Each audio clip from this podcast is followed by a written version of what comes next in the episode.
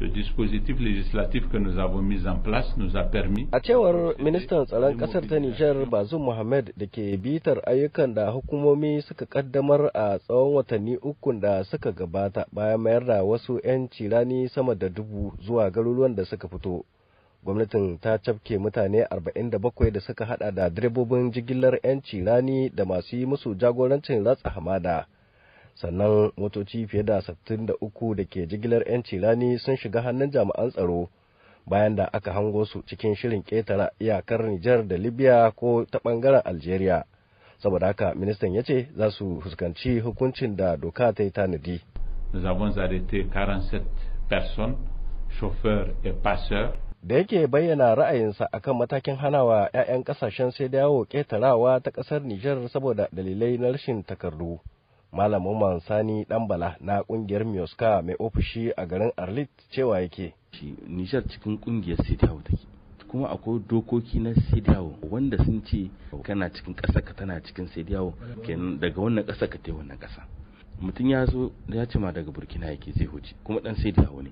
Kenan kaga babu dokar da ta ce ma ka tsaida shi in dai ba ka gan shi ba da wani makami ko kuma ka gan shi da wani abu da zai cuta ma ƙasa. Zauwa ne zai ya huce. To kuma in ya ƙetare Nijar can abin da zai samu kan shi sama. Kaga shi ma wannan ya kamata a ce yau duka Afirka ta diba ta gani.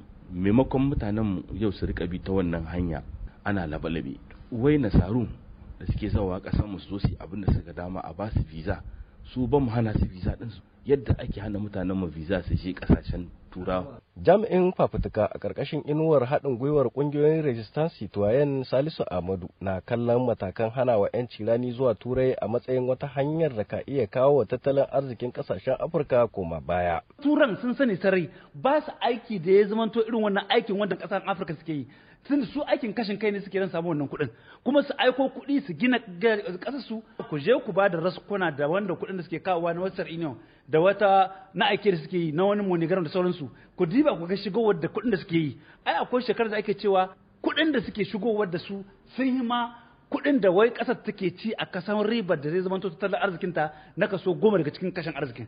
Akwai wanda suke huta suna zuwa bara ba aiki ba. Wannan talauci ne wanda zai zama wannan bi halitta a cikin ƙasarmu Akalla mutane sama da dubu ɗari ne ke ratsawa ta jihar Agadez a kowace shekara in ji alƙaluman hukumomin ƙasar Nijar don zuwa ƙasashen Turai ko Algeria da Libya. Kuma a cewar ministan tsaron ƙasar ta Nijar Bazum Mohammed yanzu haka sabon matakin daƙile hanyar 'yanci rani ya fara janyo tsayawar harkokin saye da sayarwa a yankin arewacin ƙasar.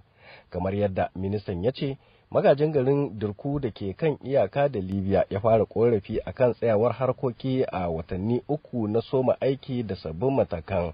Sule Mummuni Barma, muryar Amurka daga mai a jamhuriyar Nijar. Haɗa kanmu a yanzu shi ya rage zamanin nasara mun dage, za mu yi nasara kan mun dage, sarƙar bauta da mun cizge, mu yi ma yanzu mu daddage.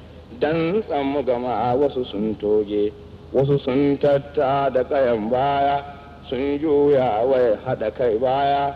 An ce su fito sun bubbuya sun kafi kowa jayayya. Ku fito fili ai gogayya. Ra'ayin kirki mai rinjaya sun ce ba sa goyon baya.